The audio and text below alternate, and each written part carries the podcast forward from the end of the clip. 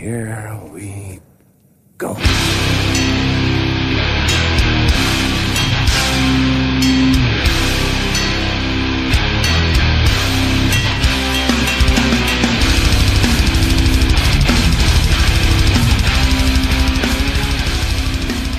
Välkomna till Nere på noll avsnitt 24. Jag, David Olsson. Mitt emot mig. Ja, Daniel Nätterdal. Vi har även dagen till ära en hund och två stycken barn. Eh, vi har lite sommarlov från vår studio och eh, vår programledare Robin Lindblad är på semester. Har precis avslutat en Frankrike-resa och är nu och spelar med Birre Taste of Life på Laperanta Hardcore Fest. Men podden, Vi- vi podden måste ut, så vi får vi får göra vad vi, vad vi kan med olika tekniska lösningar här. Vi har stämt av lite med våra utrikeskorrespondenter från Flufffest och vi har även en eh, rapport från This is Hardcore. Eh, hade vi någon feedback från förra veckan? Det tror jag.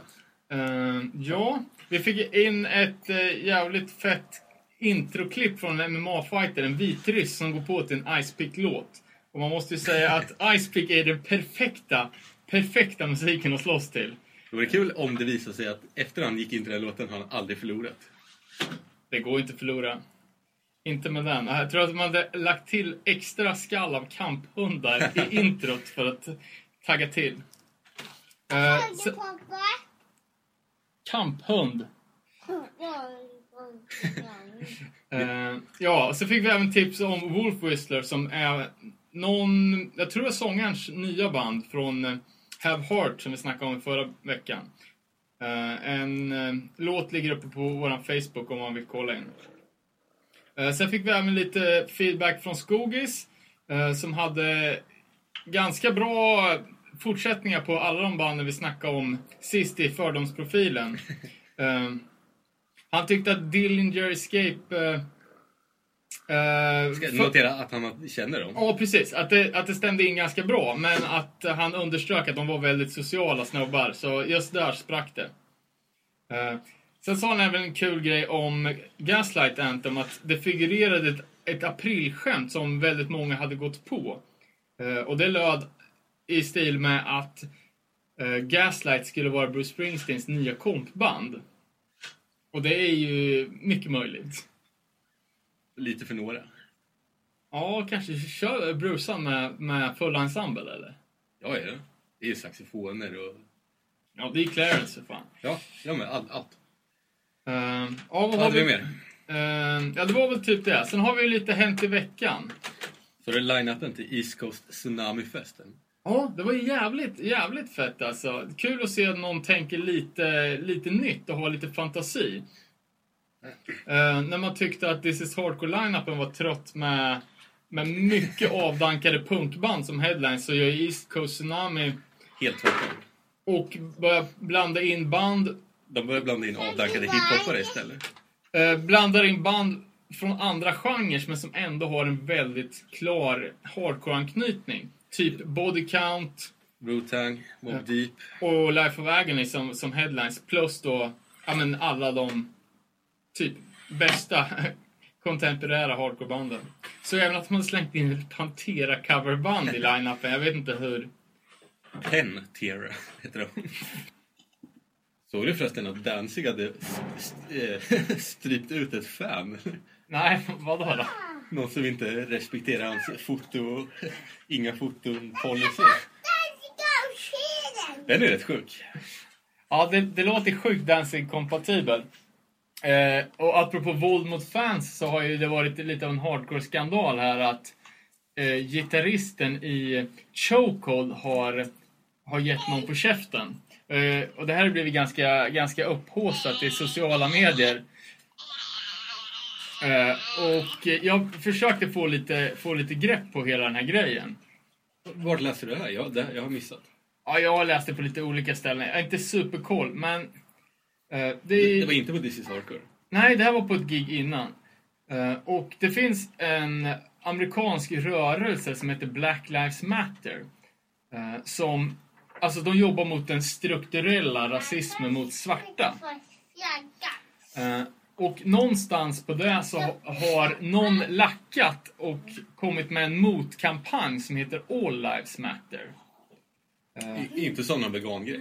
Nej, nej, utan att... Människoliv. Ja, precis. Eh, och det jag... Alltså, det de inte riktigt förstår är just liksom att det är klart att alla liv har betydelse.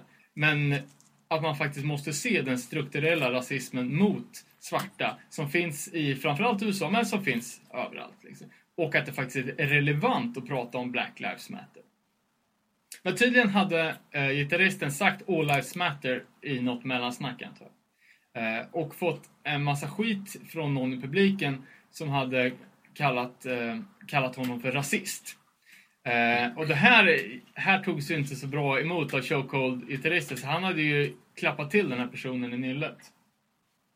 Eh, sen visade det sig att eh, den som hade fått smällen var en transperson. Och där hade folk dragit, dragit på stora växlarna och det hade liksom... Eh, ja men löpsedels... Eh, rubriken löd ju Chokehold spöa transer liksom. Eh, Ja, vet fan, ganska intressant grej men också ganska, tycker jag, liksom förstorat ur proportion. För det här verkligen skrivits, det har skrivits kilometervis med inlägg på den här grejen. Eh, Har han gått ut med någonting? jag tror det kom, kom något officiellt, men eh, jag, jag kan inte citera det. Däremot så, så läste jag en, en tweet som var ganska... Eh, ja, men så, så, så jag tyckte var ganska bra liksom.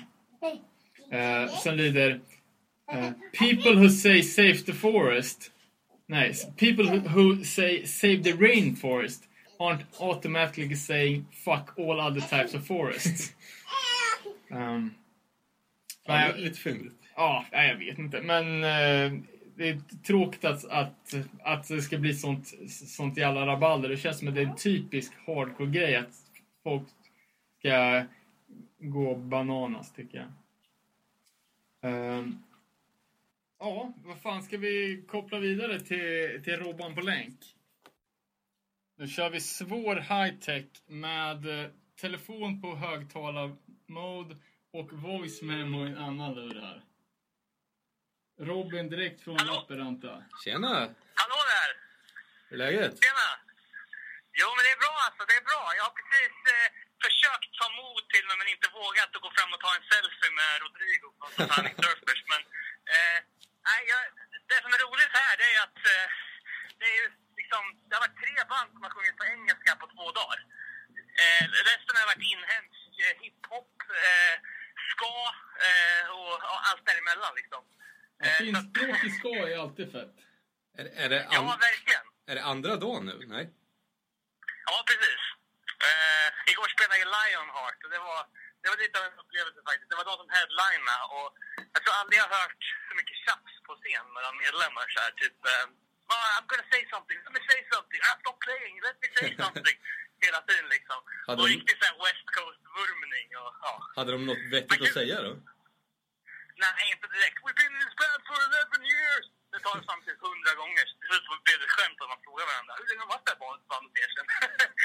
eh, och så, ja men det var ju fett liksom. Men det det blev jävligt generiskt när man fick höra så många låtar av samma band på med den typen av liksom breakdown, generic breakdown hardcore liksom.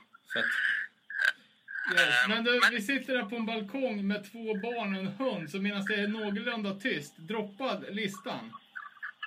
Ja, för fan. Jag satt ju och funderade på härom veckan eh, på så här, eh, ja men liksom plattor där eh, ja, ja, band egentligen har utvecklats så mycket från sitt första släpp, eller andra släpp, så att man gärna skulle vilja ha en nyinspelning, alternativt en remaster av dem. Eh, så, så då satt jag och funderade och gjorde faktiskt en topp 5-lista på det temat. All right. Eh, Vet, på- vad jag funderar på att göra en topp 5-lista på? Eh, vad sa du? Jag funderar på att göra på en topp 5-lista på band som har blivit bättre än... Det första släppet var okej och sen har de blivit bra. Ja, ja, okej. Men jag Jag det här handlar om lå- låtmaterial som på ett första eller andra eller tredje släpp håller jävligt bra kvalitet men det är inspelat på sånt risigt sätt eller så slarvigt att man liksom, man skulle vilja höra det igen. Eh, så att, eh, without further ado här då, eh, på, på plats fem så har jag faktiskt satt eh, ungefär allt med Folsom egentligen. Eh, för, för det är alltså, ja, den, det är ju jävligt... Ja. Varför? Den nya Nights är ju bra inspelad. Ja, den jag haft med i min rotation efter att du, du, du tipsade mig om dem eh, i, i, i samband med en podcast, tror jag. Eh, så man hör ju liksom att det är skarvat på många ställen. Framförallt, ja, som trummis så tänker man ju det på trumspelet liksom. All right, ja. Så, med, med lite modernare teknik, bättre produktion och lite mer, lite mer skills så är det ju bra låtmaterial liksom. Så där har vi en kandidat. Nummer Men, fem. eh, Ja, precis. Och sen på fjärde plats så har vi egentligen allt med Youth of Today. eh, för att, eh, ja, återigen, alltså det är ju så här jävligt eh, genredefinierande musik som liksom har jävligt kraftfulla texter och men det är släppt liksom slut, mitten av 80-talet liksom. Det är ju, det, eh, tekniken var ju inte den bästa och jag tror att... är det inte där charmen sitter? Vad sa du? Är det inte, är inte det lite charmigt också? Jo, många tycker ju det. Jag tycker inte det. så, eh, men alltså, visst, inom andra musik- musikgenrer så... Jag skulle aldrig vilja se eh, A Blaze in the Northern Sky med Dark Throne till exempel, om inspelad. Men eh, samtidigt, ljud. Borgir gjorde det med, med en klassisk platta och det funkar liksom. Men ja, Youth of Today i alla fall på fjärde plats. Sen, ja, från och med nummer tre här så, så börjar det bli riktigt intressant. Och där, där sätter jag faktiskt Strike Anywheres första platta. Eh, för om man jämför den med liksom senare grejer som de har släppt, typ DRFM och sådär, så tog de ett jävla kliv. Men jag tycker texterna är några av de bästa som de, som de har skrivit på sitt första släpp, som jag ja, nu av någon jävla anledning eh, inte kommer ihåg namnet på. Men eh, ja, ko- kolla upp den och... och Tänker det med och- bättre ljud? Ja, precis. Sen så på, på andra plats då. Eh, Det är faktiskt en skiva som vi har, eh, vi har diskuterat på podden ganska nyligen. Jag tror att vi unisont kan hålla med om att Rival Mobs senaste herregud. eh, är i, i grovt behov av, av den, här, eh, den här behandlingen. Liksom. eh, där, där vet jag inte riktigt vad de gjorde. Fel. liksom, hur, hur- de kom till det här beslutet att de släppte den i, i, i, i det statet som den faktiskt var. Liksom. Eller hur? Men, eh, ja. Eh, och så eh, trumvirvel då på, på första plats. Det är väl den minst troliga att det händer och det är ganska personligt val. Men jag tycker Stay Hungrys första demo, eh, den, den är, det är några av de bästa Edge-låtarna som har skrivits. Några av de hårdaste texterna. Men eh, det är ganska risig kvalitet. Det är liksom, ja. Det är inte vad det kunde vara liksom så. Så det är mitt, mitt, mitt hjärtebarn för, för, för första platsen på, på, på den här listan då. Det- Eh, jag vet inte om ni har några egna, egna favoriter, men... Ja, gjorde, Psykofetal gjorde väl en sån här grej, spela in gamla låtar nytt igen, Ja, okej. tror jag. Ja, men det bra den då? här, när du gjorde cover på sig själv-plattan som Ja, kom för några år sedan. Okej. Vet Ja, nej, men alltså det är ju intressant konceptmässigt liksom. Jag vet när Dimmy Borgir gjorde det med sin eh, klassiska platta Stormblås liksom. Många hade växt upp med den, 94 kom den och sen spelade de in den igen 2005 och den blev bättre liksom. Så det är lite det som, eh, som det här kommer ur liksom. Att man, ja, det kan göras bra. Det kan väl också göras dåligt, men jag har inga konkreta exempel på det. Men Psykofetal. eh, ja. Men Ja, du, måste nog stoppa en hund som håller på att gnaga sönder en bambumatta här. Eh, vad fan, har det så gött? Har ni giggat än eller? Nej, vi, ska, vi ska faktiskt börja rigga om en kvart. Sen så Shit, får vi se. Det Men du, Ja, eh, det- hur blev det med det här introt du gjorde? Ska ni köra det eller? Eh, nej, fan alltså. Det var, ju bara, det var ju där vi hade tänkt gå på till Ja. här i Finland. Ja, Men jo. grejen var att... Men ska vi- ni vi göra det? testade i- Nej, alltså jag, jag, rekade lite på parkeringsplatsen igår och typ gick runt för mig själv och sa VM 2003. Då fick jag direkt tre pers på mig. Vad fan menar du? Så att, eh, det känns som att eh, om, om vi skulle spela upp ett intro med, med referat från finska kommentatorerna från hockey-VM 2003 då skulle vi bli lynchade. Så att, eh, det var den det matchen lite Sverige vände trodde 5-1 också. till 6-5. Mm. Så, ja. Ja, ja. Eh, vi går på, till, går på ett Hellraiser-intro istället. Det är stort. Men du, lycka till. Vi syns nästa vecka. ja, vad kul att ni ringde. Ha det så bra. Vi hörs.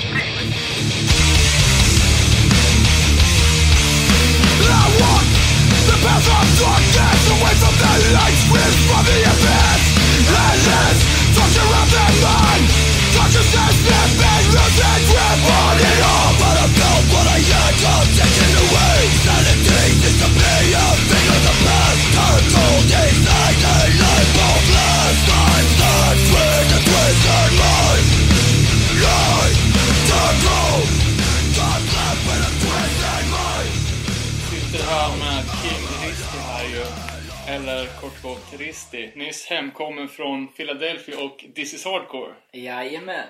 Var det fett? Det var sjukt jävla fett faktiskt. Så jävla varmt väder och jag vet inte fan, man höll på att typ dö varje dag. Men annars var det fan svinbra. Och det är inte första gången du är där heller. Nej, det här var min andra gång så att det, det var kul att åka dit igen. Jag funderade faktiskt på att åka förra året men det kom annat skit i vägen. Så. att- Yes. Men det, hur, hur många svenskar? Man, man vet ju om ett gäng. Var, var det några, några fler? Eh, de enda svenskar vi var nu, det var jag, Hinken, Filip från Lost Creature och eh, Jonathan från Nyköping också. Och sen var det Andy Haight och eh, Filip från Göteborg. Så vi var ju typ totalt sex, sex svenskar så representerade. Um, hur kommer det sig att du valde This is Hardcore framför alla andra fester? Nej men alltså, först är det så att vi tar ju alltid en vecka i New York innan och då är det, ja men shoppa, köpa skor, nya kläder och sånt. Så att, eh, tänkte det, det är kul att kombinera det med alltså, fillisen liksom. Så, att, så det har väl blivit en tradition nu. Så att, ja. Ehm, Det har ju snackats lite innan om att årets lineup skulle, trots att den är helt sjukt bra, inte vara riktigt lika bra som folk hade förväntat sig. Ehm, Men det var slutsålt kan jag, kan jag tänka mig. Ja, jag tror det mer eller mindre var slutsålt. Eh, Det fanns ju några enstaka så här endagars biljetter men det, det var inte mycket alls faktiskt. Men du hörde ingen som, som, som klagar kanske? Eh, nej, inte direkt. Så alla är på... Det är så jävla gott humör där och alla tycker det är svinfett så att man hör ju typ ingen klaga så det är guld värt faktiskt. Ehm, ja, be, berätta lite. Ta, ta en dag i taget och nämn Ja. bra spelningar eller några överraskningar eller... Eh, Ja, första dagen, det var ju torsdagen, då var det på Union Transfer. Och det var ju två olika lokaler det här året. Okej. Så första året, eller första dagen var på Union Transfer som ligger typ rätt centralt. Och sen andra var ju på Electric Factory. som- Det ligger brukar vara. Ja, där är det ju som det brukar vara. Det är ju ja, det är rätt nära så från stan men ja, i vilket fall eh, första spelningen så, eller ja, första dagen då kom vi dit och sen var det typ brutalt jävla lång kö. Där man fick vänta, fast det gick rätt fort ändå. Jag tror jag fick vänta en kvart innan jag kom in så att även fast den här jävla typ som en lång motorvägsbilkö när det blir trafikstoppning ungefär men Ja, sen kom vi in, typ chilla runt och kolla. Det är svinpackat där inne och det är så här typ, man får ju nästan å, å, åla sig fram så här, för att det är så jävla mycket folk liksom. Så att, eh, ja, först, bland de första banden jag såg den, det var Breakaway. Eh, typ Straight Edge. Ja, jo, Ja, Straight Edge gamla Youth Crew, Ja, precis. 90-tals. Ja, precis. Ja. Så att eh, det, det var riktigt jävla bra faktiskt. Ja. Alltså, det sån jävla energi och publiken eh, går ju bananas där. Alltså, Ja. så att man blir ju verkligen så här, även fast man inte morsar själv så blir man ju så jävla peppad för att det är så jävla bra stämning liksom. Jag vet, Eh, du- vet du om det där Breakaway-giget, om det var en exklusiv reunion? För jag har aldrig hört att de har spelat sen de la av. Jag har faktiskt ingen aning om det var något sånt där. Så att jag har faktiskt jag har så jävla dålig koll på det där bandet så att eh, det var så här, det var ju typ första gången jag hörde det Ja, lite ja. mer så. så att, eh, men det var riktigt bra faktiskt. Och, eh, sen andra, det var ju något som överraskade jävligt mycket. Det var ju Agitator. Det är ju liksom Philly Hardcore. Uh, det, alltså det är så här verkligen ursinne rakt igenom. Så här, riktigt jävla straight edge och de är alltså helt jävla galna på scen. Och sångaren ser typ ut, hämtad som från 90-talet. Så här, långa jävla hår och typ baggy kläder och typ en tisha som är fan, trippel XL eller något. Alltså. Eh, Plus att de dissar typ ett annat band som heter Modern Pain tror jag. de hade ju tydligen sålt ut eh, Straight Edge så då är Agitator-sången på och dissar dem jävligt hårt alltså. Så att, och folk blev ju så här, ja de klappar ju och typ. Det var ju för övrigt eh, Agitators sista spelning så att det var kul att de gjorde det på This is Hardcore med. Så. Men och vad, man snackar straight edge och, och hur skulle du bedöma publiken? Är det en... Är det ens ett dro, Det är inte en nykter spelning? Nej, det är ju bar och sånt. Ja. Eh, Och hur, hur, hur skulle du säga fördelningen var mellan fyllon och nykterister? Det känns som att det är lite av en fylletillställning, eller?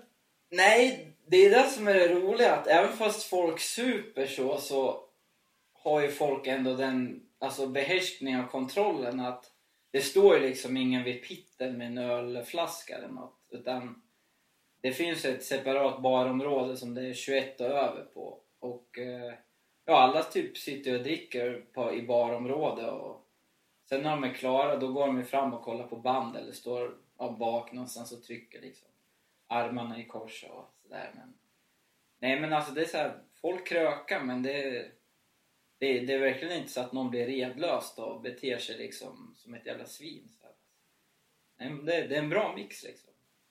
Att, riktigt ballt. Och även fast en annan dricker så visst, man blev väl lite full men man, man gjorde inte bort sig eller gjorde något dumt. Så att, Det känns som man har ganska låg profil på såna här tillställningar. Ja, men faktiskt. Alltså, det är så här... Man står ju inte ut liksom. För att alla är ju där för samma sak och sådär. Så att... Plus att då, man kan ju snacka svenska med alla, alla andra som snackar svenska så kan man hålla på och säga en massa dumheter typ.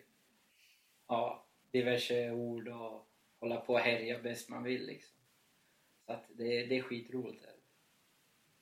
Var det något mer från torsdagen som du kände var värt att nämna? Eh, Ja, jag hade ju sett fram emot att se Snapcase framförallt. Ja, just det. Det var någon typ av headline där någon. Ja, Snapcase headlinade då. Och jag tillsammans med Showcode då. Och båda banden var så jävla trötta alltså. Eh, Snapcase, det lät...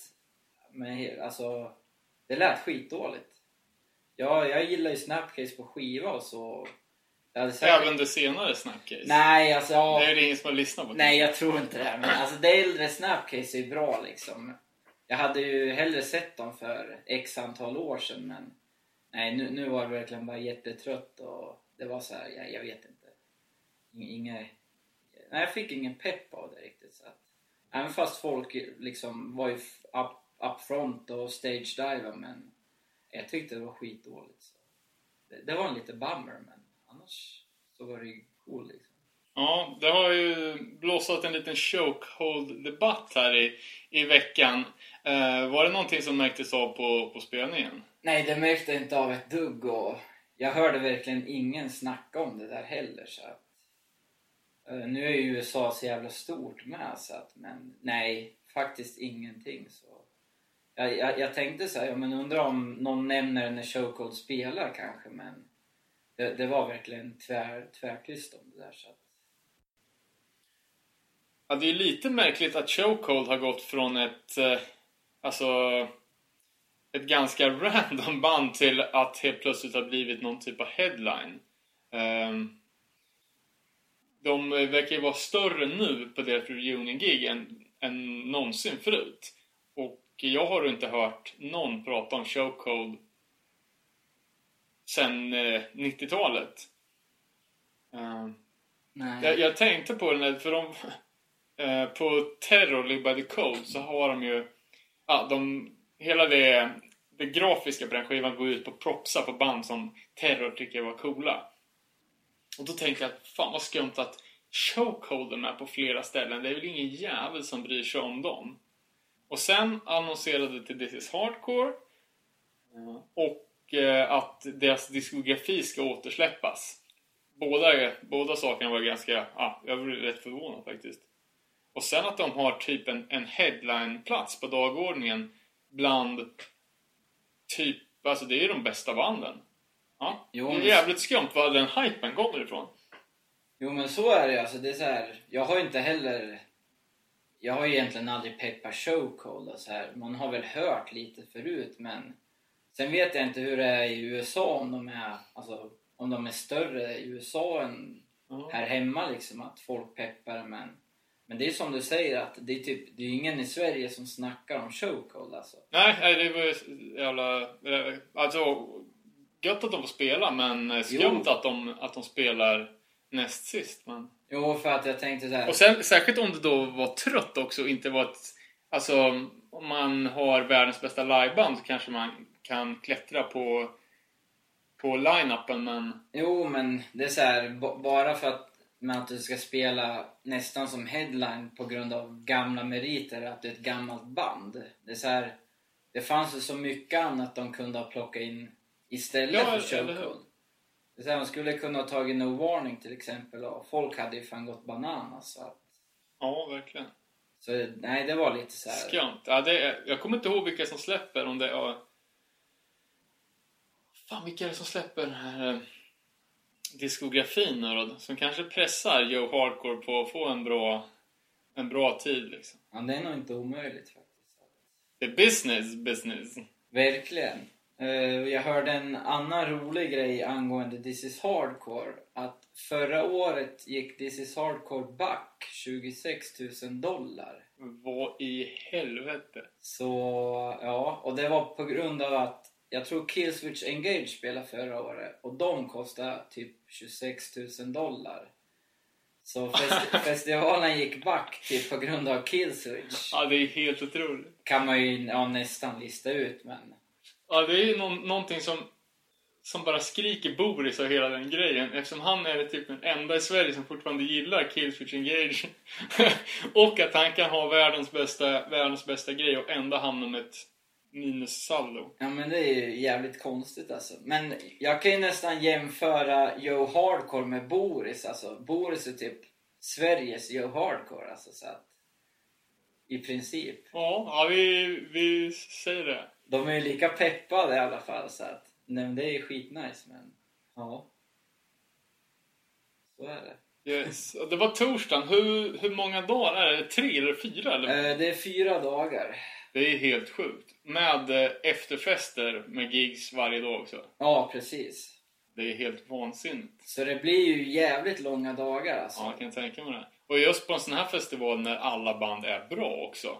Ja men precis, så att man vill ju se så mycket som möjligt men man, man pallar ju inte så att Det var ju några dagar då, då sket i första bandet för att man vill ju bara chilla liksom. Jag är helt slut så att Men det, jag tror de två första dagarna, då började det sex på kvällen så Då var det nästan som en halv dag Två dagar bara men Jag tyckte det där var rätt lagom så att Och hur länge håller du på på kvällen?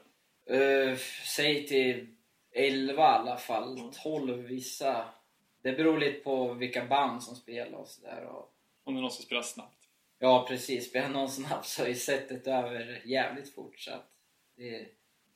Men jag tyckte att det var gött med band som hade korta set för att då hann man ju liksom, man bara fan det här är riktigt bra. Sen bara tog det slut så då kommer nästa band som är typ lika bra.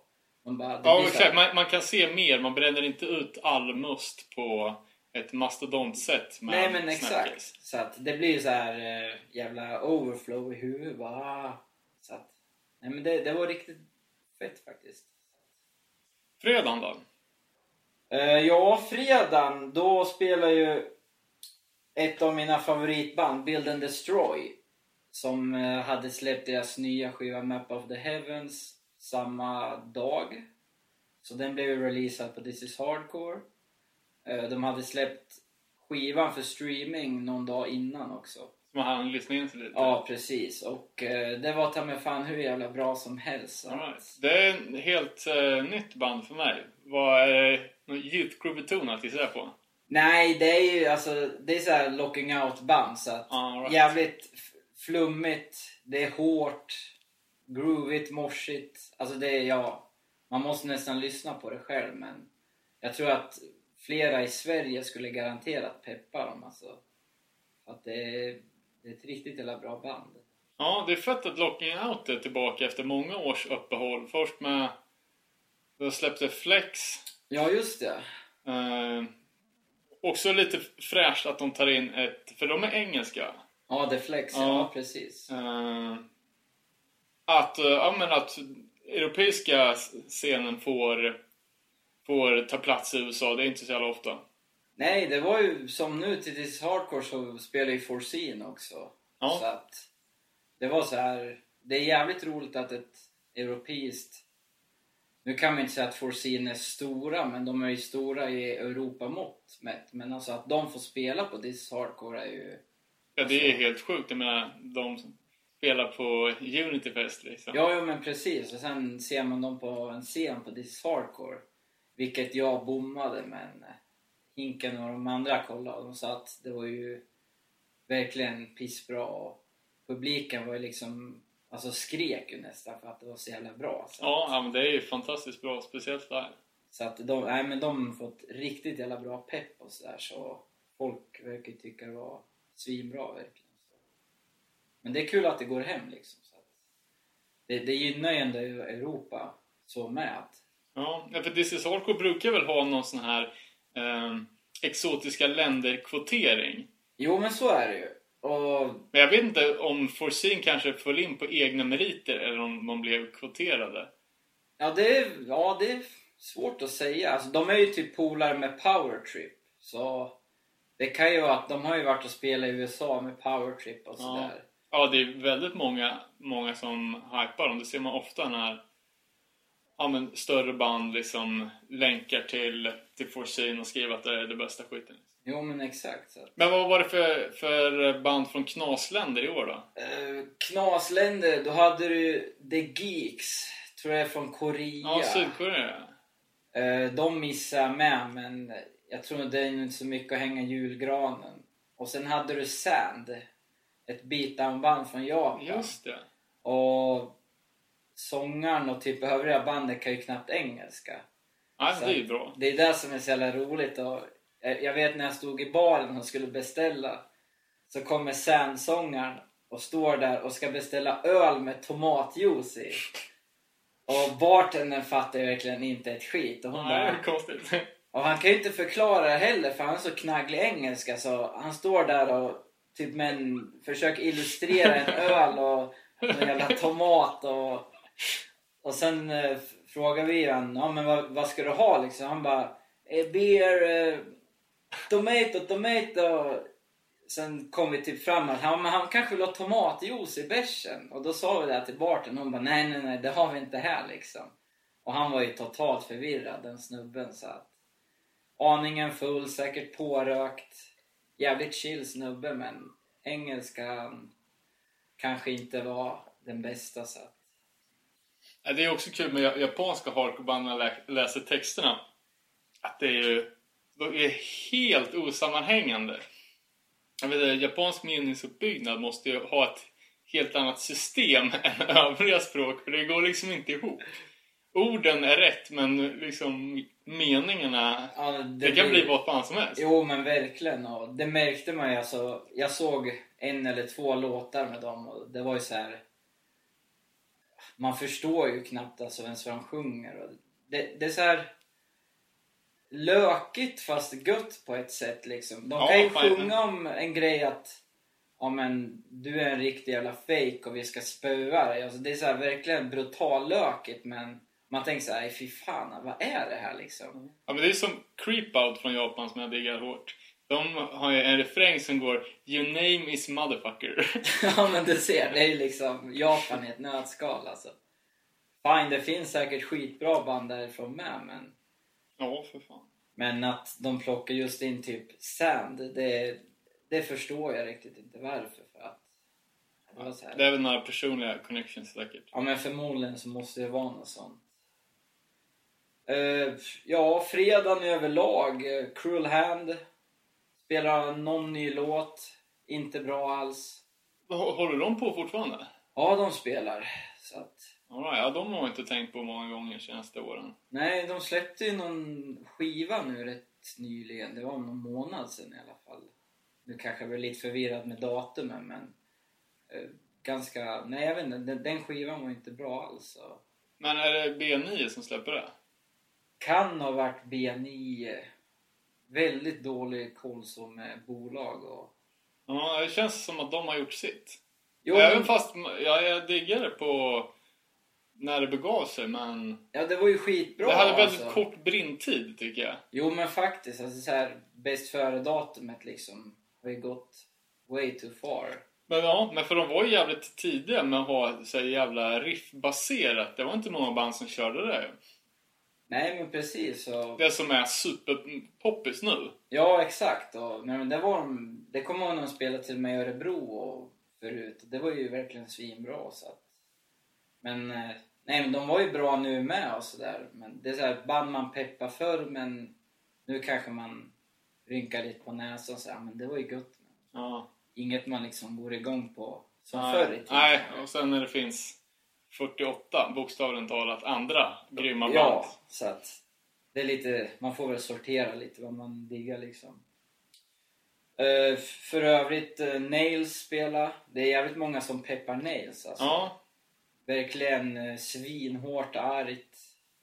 Det, det, det var nog nästan typ ett av fredagens bäst, bättre band alltså. ja. ja, det är jävligt bra. Det jag tror det är Love som sa det, som jag tycker stämmer så jävla bra. Att jag älskar nails men jag hatar folk som gillar nails. Ja men, ja, men lite så är det ju kanske. Att, För det, det, det är bra, men de, de, de är ju som eh, kända och, utanför hardcore-kretsar så det brukar dra till sig lite eh, suspekta individer. Jo. Ja, men det var ju som nu, alltså som på This is Hardcore. Det är ju, det är ju mest hardcore-människor så att de får ju liksom den peppen och...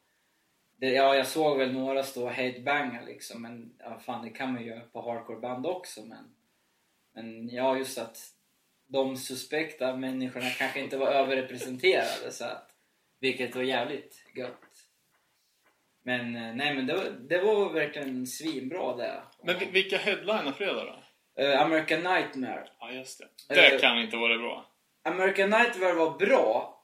Eh, bortsett från ljudet, som för övrigt var skitdåligt på vissa band. Och Wes Song. Ja. Den, den, nej, det, det var inte bra alltså. Ja, vi, vi såg dem på, på Gråsrock och det var ju en stor besvikelse. Och då främst för att han sjöng så jävla dåligt. Jo men, men så var det ju. Det låter som på demon ungefär. Ja men ungefär att, det var, nej men det var inte här, inte samma gamla American Nightmare liksom. Plus att ljudet drog ju ner, alltså allt så fruktansvärt så att Hade han mycket kläder på sig? Han hade en skjorta på sig, en svart skjorta och typ brallor. Ja. Och sen, ja, sen har han ju ena armen bara så att han står ju bara med en arm Ja. och sjunger så. Nej, för i Belgien där så hade han ju... Det var varmt som fan. Han hade skjorta och typ eh, skinnjacka och en lång jävla yllehalsduk. och det var ju alltså du vet som man bara smälte bort. Ja men precis. Men fashion before passion eller vad det ja men så är det ju kanske så att. Nej men ja. Skumt också att de har bytt tillbaka, för de hette ju Give Up The Ghost en sväng där. Ja. Ja det var ju den där stämningen de fick på sig. Det var ju någon Misfits coverband som hette American Nightmare. All right. Som stämde dem och, eller hotade med någon stämning. Så fick de heta Give Up The Ghost men de verkar ha tagit tillbaks Ja. American Nightmare nu. Okej, ja, för jag hörde att det hade någonting med att göra med 9-11, att de hade fått massa folk från USA ogillar dem, alltså som inte visste vad det var för ett gäng. För att alla tolkar American Nightmare att det skulle ha någonting med 9-11-tragedin att göra. Exakt. Ja, det, kan- det kan ju säkert också vara så här. Alla har väl hört olika. Ja, det var bara något jag snappade upp någon gång. Ja. Det är så här, jag vet ju inte heller riktigt hur det är, men det är väl vad jag har läst. Så att, Ja. ja, men det stämmer. Jag har hört flera som, som har sagt det här med annat band. ja. Men eh, hur, hur länge spelar de då?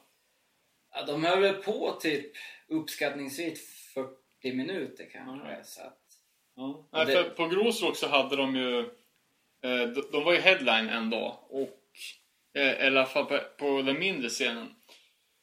Eh, men de hade ju inte låtar att fylla ut sin tid. Så de eh, körde massa konstiga... Ja men typ in, instrumentala noise-grejer. Och sen gick de ju av en kvart innan utsatt tid. För att de hade Ja. kört allt de hade liksom. och det hörde inte jag så. Alltså, de körde ganska rakt på. Och det var ju typ ingen mellansnack alls. Utan det var bara rakt på. Så. Det känns som att... Eh, eh, jag kan tänka mig att på såna här större festivaler att eh, man har mer tid på sig.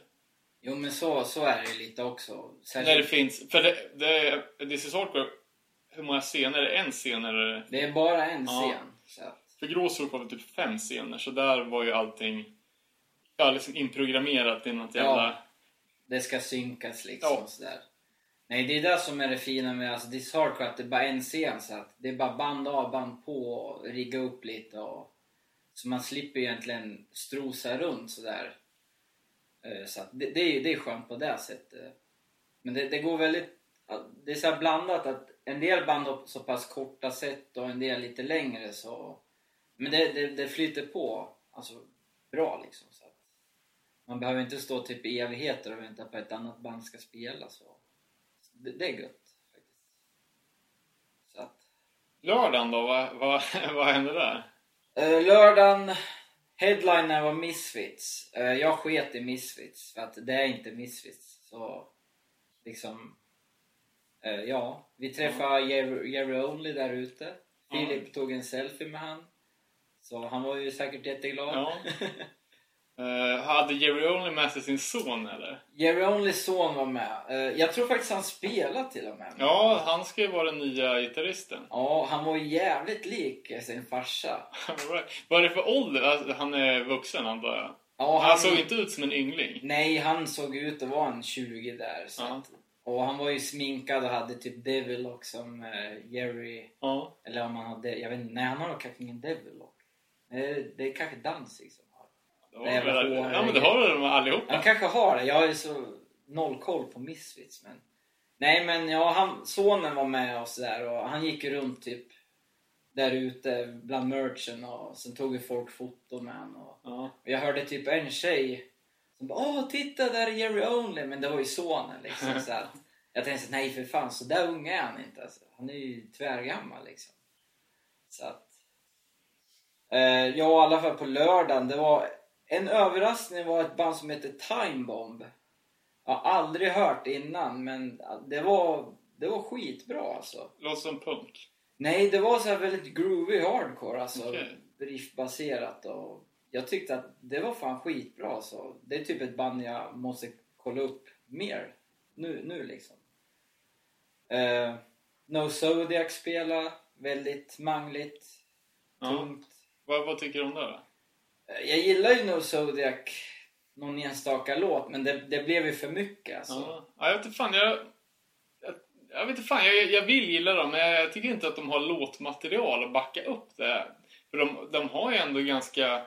Det är många som gillar hårt som peppar No Zodiac som ett av sina favoritband. Typ. Men Ja. jag tycker inte att, Nej, att de lever upp alltså. riktigt där kan jag inte heller backa. Så att det är någon enstaka låt som sticker ut och annars är det ju bara liksom där jävla bom, bom. Det var ju så här, man, man tröttnar ju efter tre låtar. Men ja, folk morsar ju och sådär så att de verkar ju digga det liksom. Uh, lördag mer. Turnstyle spelar. Eh, ja. Spelar låtar från nya skivan. Turnstyle var skitbra. Folk älskar Turnstyle Ja. i USA. Ja, det, folk älskar turnstyle överallt. Men det känns som att om man ska känna av trender så är nog This is Hardcore ganska rätt ställe. Jag tänker, för någon gång kommer ju den här superhypen av turnstyle ta slut. Och det kommer ju märkas först på This is Hardcore. Jo men, jo, men lite Och sen så. typ efter två år så kommer, så kommer det mattas av i, i Europa typ. Ja men lite så känner jag med att det är så här. De har ju liksom ridit på en trendhype nu. Lite tag. Det var ju väldigt nyskapande alltså när de gjorde så att. Ja. Men jag hade svårt att ta, ta till mig det i början men eh, det har växt på mig alltså. Och Ja. jag tycker att det är riktigt jävla bra. Nya skivan är också svinbra. Men det, det är så här. Och framförallt live. Ja men live är, alltså det är ett riktigt bra liveband. Verkligen. Och det var ju så, det märkte man ju på publiken att alltså alla kan ju typ i princip varenda låt, alla riff, morspartier så att folk upstage voltar från scen, sjunger med och... Nej så att, eh, nej men de, de var fan svinbra alltså så att... När, när spelade de på dagen då? Hade de någon typ av headline eller? Nej de spelar ungefär i mitten så att... Den lördagen, den börjar ju halv ett ett ungefär ja, på dagen då. Och de spelar runt sex. Och att folk hade ju hunnit sett en del band men det var, så att det var ingen som verkade trött liksom. Jag vet inte om de dricker en jävla morsenergi där borta eller vad fan det är men folk är ju verkligen sinnessjuka. Så att, nej men det, det var riktigt eh, ballt. Eh, ja, Reach the Sky spela, Ja. gammalt klassiskt band.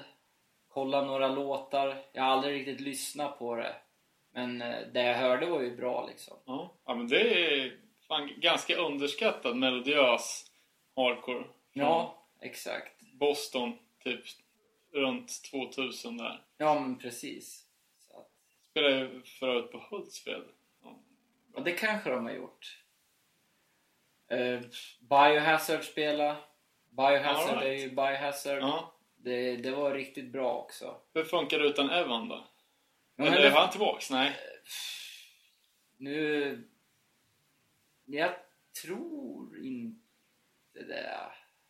Jag måste så här, tänka Nej. efter i Ja, jag är huvudet. ganska säker Kanske det. inte är kvar alltså. Det verkar ha skurit sig ganska rejält. Den förra plattan som... Eller den senaste, Born in Defiance, spelades ju in med, med Evan på sång och bas. Men att innan den var släppt så fick ju han kicken. Ja, exakt. Det är så här, behöver man någon extra information så kan jag ju typ be Hinken ringa in så kan han ju komplementera kanske. Åh nej, Han, han verkar peppad på det där typ. Ja. Nej men eh, Killing Time spela. Ja. Jag tror nog att det var sista gången de spelade This is Hardcore. right. Känns det som att de har gjort sitt eller? På ja, reunion, eller sig, de släppte ju en platta på 2010-talet. nej men lite så är det att det, det är nog på den här sista versen nu alltså att de, eh, man såg att alltså de är ju rätt gamla och nej jag tror inte att de, de spelar nog inte nästa år. Jag tror skulle- det var skumt att de fick så jävla dålig feedback efter um, Natefest. Ja, Ehm, och att... Ja, det var väl typ att Killing Time var dåliga. Det var det största samtals... Eller det som folk sa först när de skulle beskriva Natefest. ja.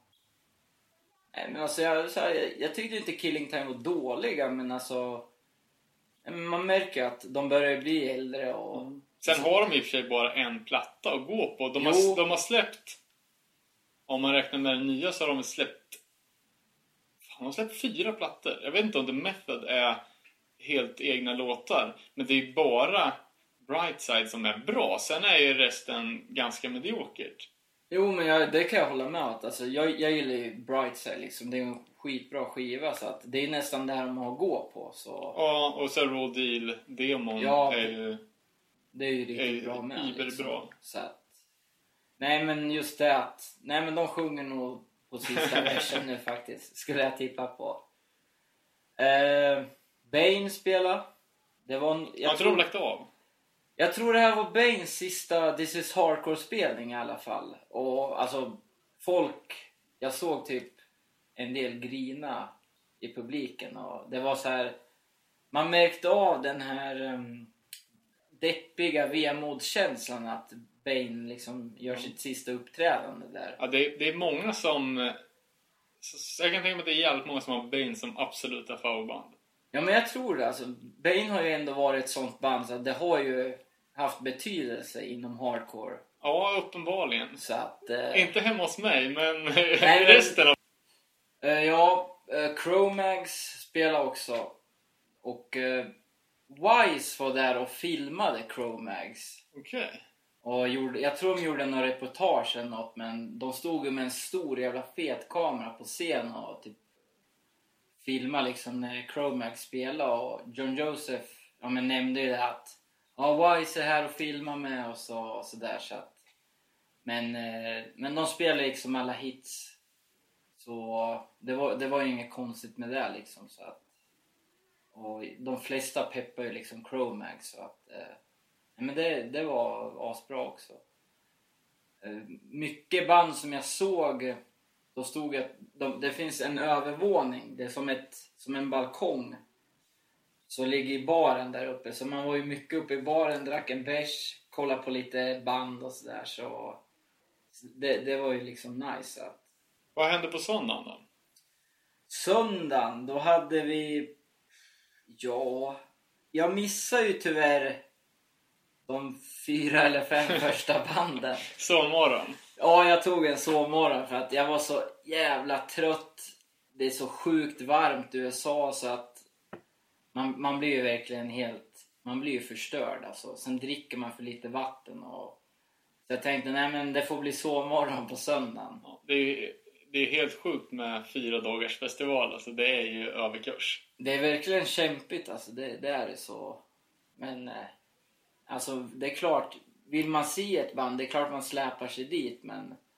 Jag Då tänk- ska det vara något extra. Ja men då ska det vara något extra. Ja. Och de första banden, det var ju bra band och så men jag, jag var så här, nej men eh, jag orkar liksom inte kolla för att jag tar typ från mitten ungefär så får jag väl se det här peppa liksom.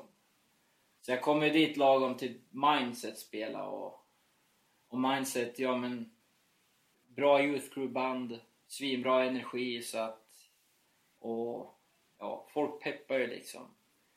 Det, det är lite grejen med typ USA att folk peppar ju liksom banden. Det, det är inte så mycket snack. Som i Sverige kan det vara mycket snack om politik och diverse och vilket, ja men det är inga fel där. Det är bra att man uppmärksammar det men just i USA, det är verkligen, det är inget snack om sånt där utan det är, jag tror de fokuserar mer på Om det är bra eller inte. Ja men precis, att eh, fokusera på hardcoren liksom. Och sen finns det väl säkert de scenerna i USA med när det är med snack hit och dit och skitsnack och... Men man, man märker inte av något sånt på This is Hardcore utan det är, folk är ju där för musiken och det är typ den som är prio ett liksom. Så man hör ju verkligen inget snack om ditten och datten. Så. Det är väl det som är lite skillnaden från just USA i alla fall, ja, this is hardcore mot övriga länder eller vad man ska säga. Så att, Kanske, ja, mer, mer fokus på, på politiken på till exempel Flufffest. ja men så kan det vara ja, så att det är ju... Ja, jag vet inte. Det, det är svårt att jämföra också This is hardcore med en annan festival eller en spelning. Det är liksom ändå det största av sitt eh, slag eller vad man ska Ja, säga. ja men det är det. Och folk reser ju verkligen från jordens alla hörn och peppar verkligen. Alla är ju där för hardcore så att... Så det, nej men jag tycker det är skitbra. Det är, det är ingen dålig stämning alls. Jag, jag kan inte minnas att jag såg en enda pitbeef alltså. Och folk verkligen, ja men folk crowdpunchar och slår varandra i nyllet och... Jag vet inte hur många blödande nyllen jag såg där och... Men det var så här, folk är ändå på topp och svinglada alltså. Men det är väl sånt man får ta liksom. ja, det låter helt, helt underbart. Ja men faktiskt. Eh, ja, söndagen annars. Slapshot, choke, galen. Choke är ju som man är. Eh, riktigt bra frontman faktiskt. Så. Ja. Men eh, nej men det Kommer du var... ihåg när du körde något från den senaste plattan? Nej faktiskt inte. Jag tror jag var full under slapshot. Så det är vaga minnen. så att, men det, det jag kommer ihåg var jävligt bra. Så Ja. att, det, det är där lite att det finns så bra ölutbud där så man vill ju prova och då kan man bli lite onykter. Ja, sen har ju Slapshot gjort eh, jävligt mycket låtar också. Svårt. Jo. Ja, de har ju mycket att ta liksom. Jo men faktiskt då. Det var ju de här, jag vet inte om man ska kalla det hitsen, men alltså få, låtarna folk känner igen. Ja. De dammar ju bara av det så att. Men det, det, det var gött att höra liksom. Eh, Twitching Tongues var svinbra också. Ja. Det, nej men det, det var liksom inga att klaga över så. Uh, Rival Mob, sångaren, stand-up komiker. Misslyckad standup-komiker. Ja, men som de som var på Alive Well, jag kan säga att han var ju typ likadan på This is Hardcore. Skämta hejvilt och allmänt, ja men s- svingod.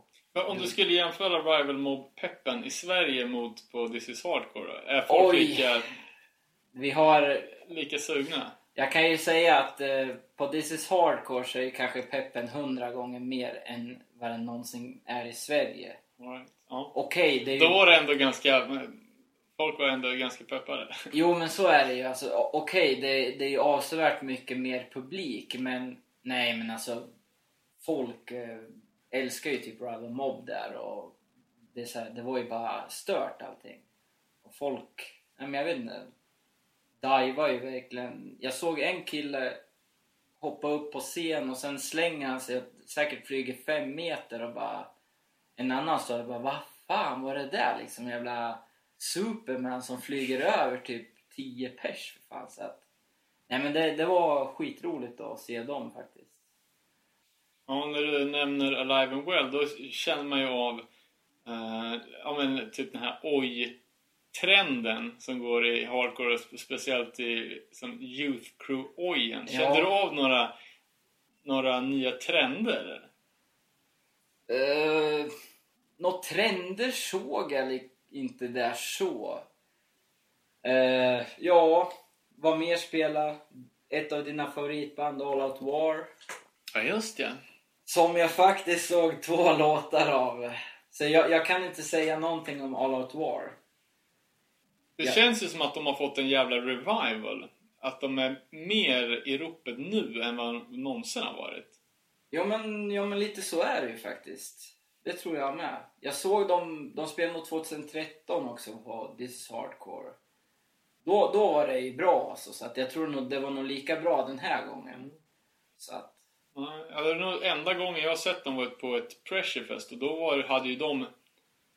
Eh, det var väl ett av de banden som hade minst folk i publiken under sitt gig. oj. Men eh, nej, nu, nu känns det som att det ligger rätt i tiden att folk ja, men, gillar den typen av musik mer Ja, än men- vad, det, vad, vad det har gjort tidigare. Ja men jo men så är det alltså, Det jag märkte också att dag för dag var det lite kate- kategoribaserat på band. Okej. Några dagar var det lite tyngre band och sen var det ju...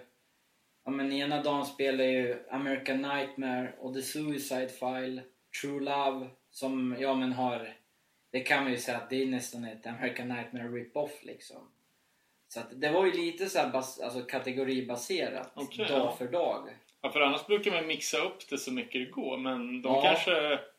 Ja, allt är väl uträknat in i minsta detalj. Ja men så då- förmodligen måste det ju vara så. så att, nej men det märkte jag att det var ju lite så att tyngre band spelade då och då. Så att, det, det, var inte så, det var inte så svårt ändå att välja vad man vill se heller. Att, och jag tror att om folk kanske är där för något enstaka band så kan de välja en enstaka dag. Så att, det är nog förmodligen uträknat. Eller så är det bara våra konspirationsteorier.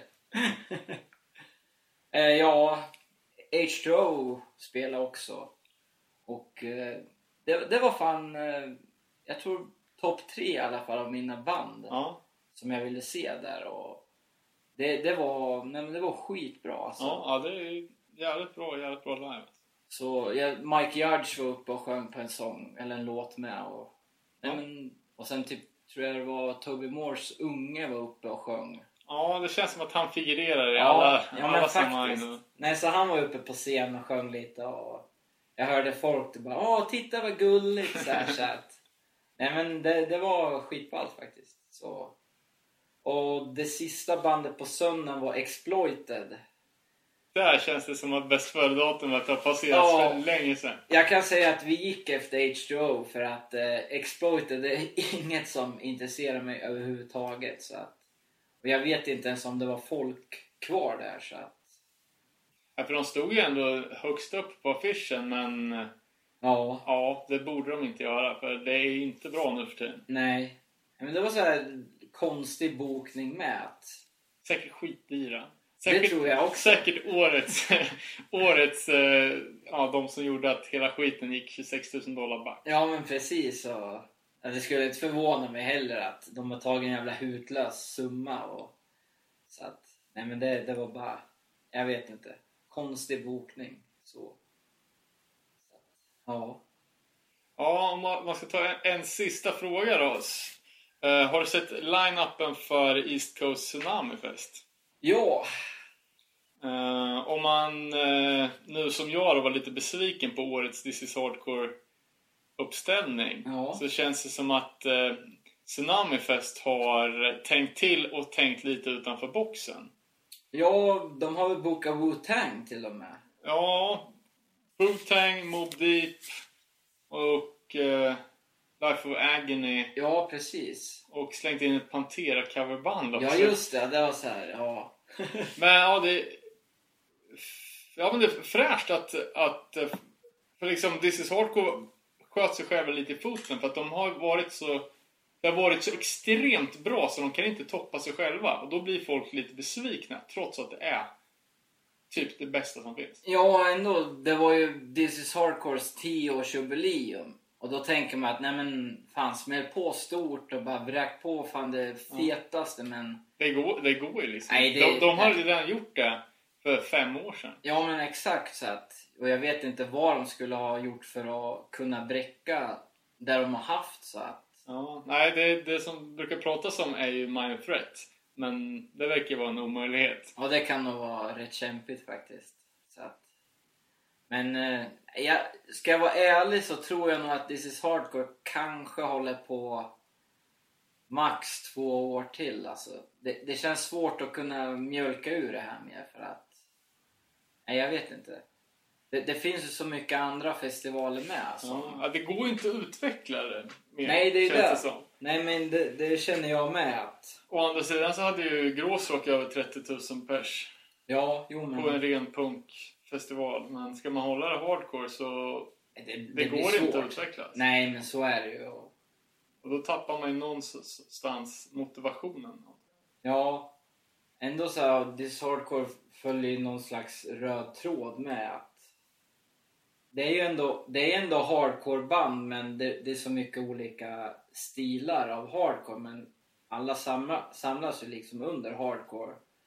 Så det, det finns ju typ något för alla men ja, det enda jag saknar, eller jag saknar inte men det var ju typ ingen metalcore-band nu som spelade. Så att det, det var lite... tur det. Ja, det var jävligt tur. Men eh, nej, men det var ju mer nej, så att det är liksom ändå så här band som spelar hardcore och som du säger att det, jag tror det är jätte, alltså det går inte att utveckla det mer. Det, det har nog inte så lång livslängd kvar heller. Så att, Nej, man får se till att ta sig dit då för första gången innan de eh, lägger ner helt enkelt. jajamän. Eh, ja, fan, tusen tack. Det var ju väl utfört arbete.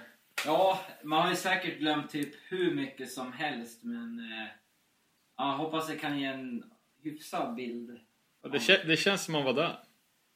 Ja, jag hoppas det. Vi hörs. Det gör vi. Då sitter jag på en hackig Skype-lina med Matilda Karlsson, eller Mattis, som är nyss hemkommen från Tjeckien och Flufffest. Var det fett?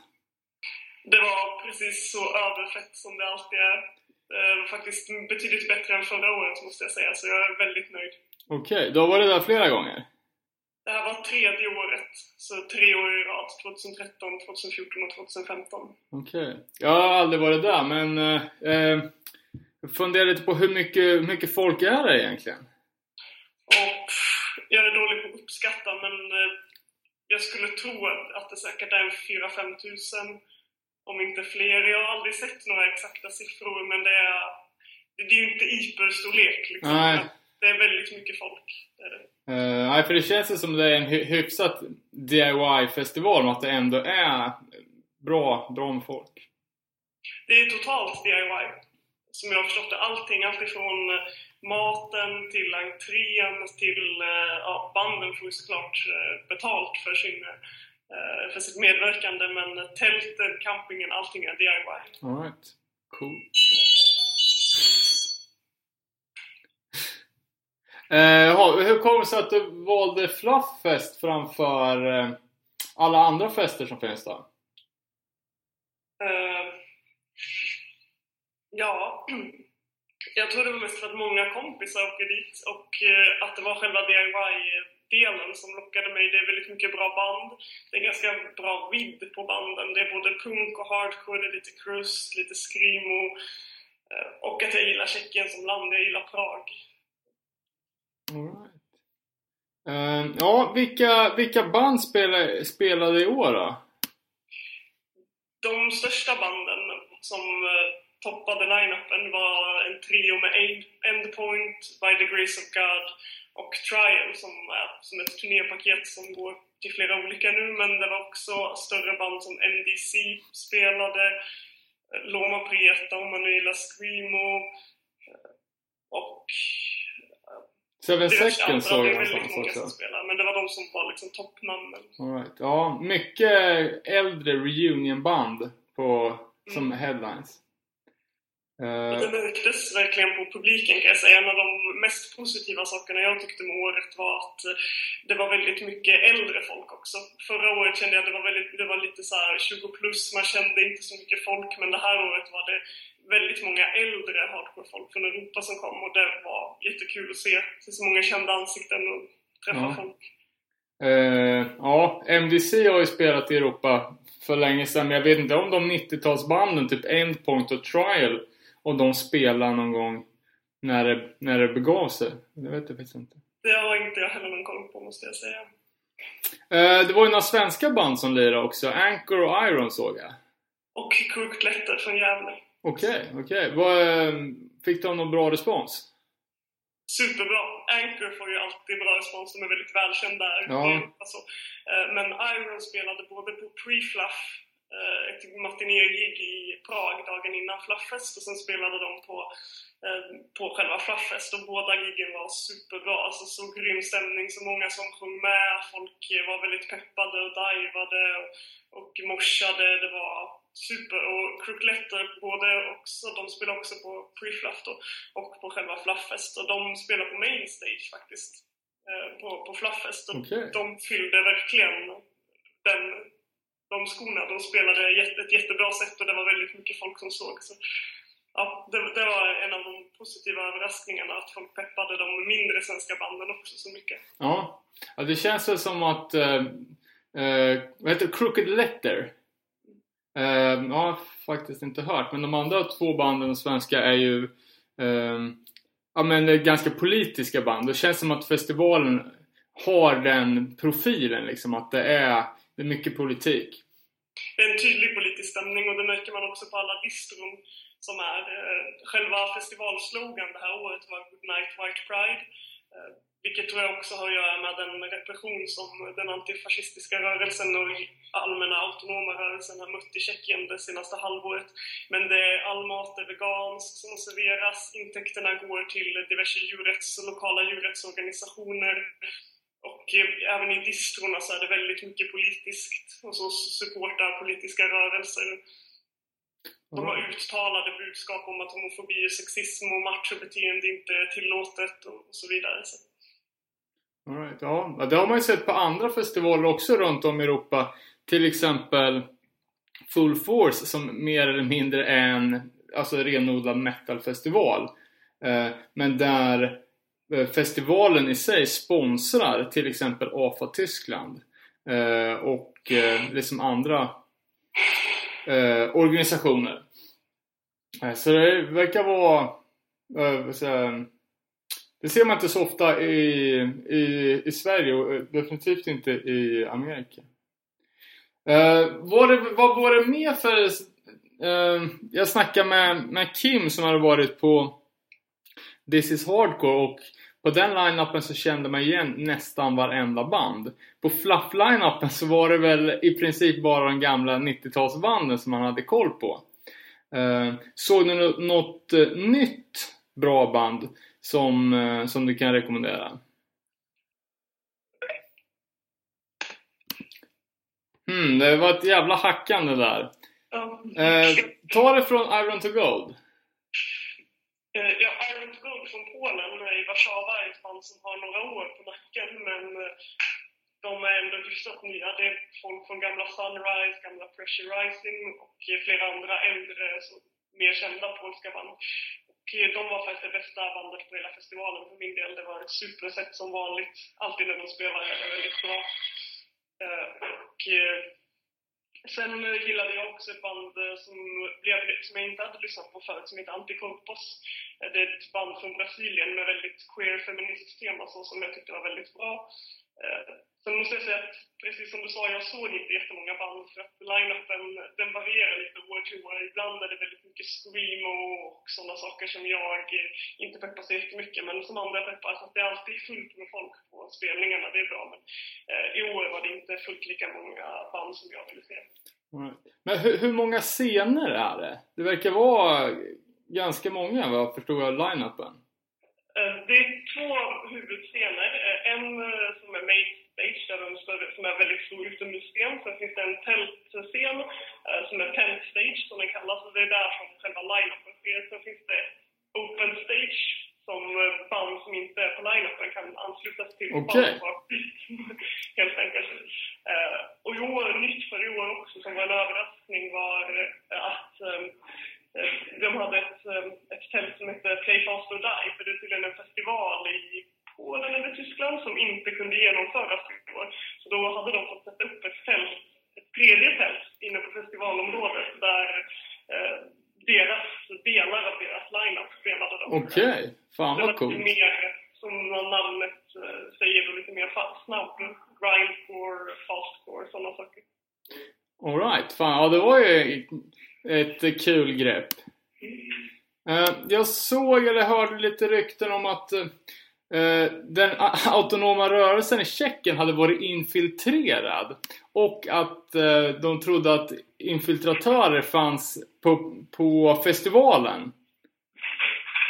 Ja, jag hörde också de ryktena. Jag vet om att det som har hänt i Tjeckien att polisen har infört en operation som heter Operation Phoenix som går ut på att de har slagit till väldigt hårt mot den autonoma miljön. Antifascister och eh, djurrättsrörelser. De har fängslat eh, flera stycken individer från det och de har också eh, gjort stora tillslag mot spots och lokaler. De har beslagtagit diktatorer och andra saker, material. Och uppenbarligen så flaffas det en stor samlingsplats för den, här, den sortens rörelse då. Så att det är lite föga förvånande att de försökte infiltrera. Jag hörde siffror på att det kunde vara upp till 40 pers. Tvivlar lite, det är svårt att veta när det inte är ens eget land. Jag skulle ha att det var, men jag är absolut säker på att det var några infiltratörer där. Okej. Ja, det borde ju vara ganska lätt tycker jag att känna igen. De kanske har varit duktigt, duktigt maskerade. Och odlat dreads i flera år för att kunna göra en sån här grej. Alltså, de hade ju uppenbarligen liksom lyckats infiltrera Antifa-rörelsen i Tjeckien och eh, planerat dåd tillsammans med, eller aktioner tillsammans med dem som de sen hade ingripit på och gripit de som hade gått på det här. Eh, Så att jag tror att eh, jag kan inte säga så mycket för jag var inte insatt i det här innan jag fick höra det. Men jag tror att de, är nog, de var nog ganska duktiga, vilket är förvånande för det brukar inte, polisinfiltration brukar inte, kanske inte vara så lyckat jämt. Men eh, det här verkade som att de faktiskt hade fått en hel del på kroken och de hade fått ut väldigt mycket material. All right. Ja, det känns ju intressant att polisen lägger så pass mycket, mycket resurser och energi på en sån grej. Känns det inte som att det borde vara deras prio ett egentligen. Nej, det är lite konstigt och speciellt ibland från Tjeckien. Det är inte, i alla fall förut, hört talas om att det skulle vara så jättestora problem med till exempel uppror eller alltså, ja. Det känns som att det inte borde bekymra dem så himla mycket. Men det var säkert något regeringsbeslut som har tagits. Mm, skumt. Eh, ja, har du nå- något mer att tillägga? Eh, nej, det var ungefär det. det var, jag kan verkligen rekommendera folk att åka dit nästa år. Och om du inte eh, vet hur man tar sig dit eller om om du inte har så stor koll så hör av dig till någon som har varit där. Ni kan kontakta mig på Facebook om ni känner mig eller så, så kan jag ge bra tips. För att det är verkligen en festival som är värd att besöka. Det finns en swimmingpool eh, i, i, nere i själva stan som är tre minuters promenad där man tillbringar mycket tid också. Som kostar kanske 20 kronor för en dagsbiljett och sådana saker. Det är ett väldigt eh, enormt bra ställe både om du är politiskt intresserad och om du är intresserad av, eh, av banden så att säga. Det finns alltid något att göra även om line-upen inte är strålande för ens personliga smak. All right. Ja, det är ju en klassisk festival som eh, i alla fall jag inte har varit på och säkert många eller till. Så det får man ju ta och styra upp någon gång. Det, var, mm, det kan jag tillägga att det var väldigt mycket svenskar där i år. Det var kul att se att det var fler svenskar än vad jag sett övriga år. Besökare och band. Ja. Låter bra det. Ja, men ha det så gott då. Tack för frågestunden. Ska vi återkomma till... Till... Eh, vi har ju länge pratat om att vi skulle få till någon typ av... Eh, Matilda tipsar om östeuropeiska hardcoreband. Så det tar vi till nästa gång. Absolut. Ha det bra! Medverka. Tja! Det om det. Eh, Jag bryter in lite här eh, för att eh, vi ska avsluta med en krönika från Jens eh, som har varit med i tidigare avsnitt eh, och eh, även han var på Flufffest och han skickade över en krönika gällande några eh, grejer som inträffade på och kring den festivalen och personer som var där. Så att eh, den får avsluta veckans avsnitt. Eh, ni hittar oss som vanligt på nere.noll.se. Tack som fan. Hej!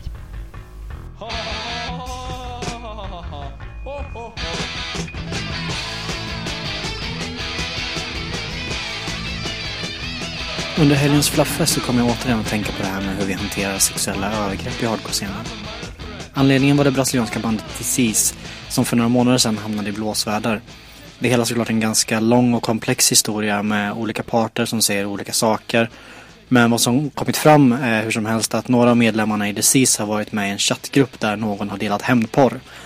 Och när det kom fram så uppstod en konflikt i scenen i Sao Paulo och de utpekade killarna intog en väldigt defensiv ställning.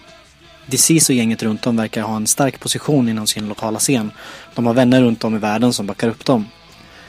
Exakt vad som egentligen hände med Disease och hämndporren är egentligen inte så intressant. Det verkligt intressanta är hur vi som scen reagerar när något liknande inträffar.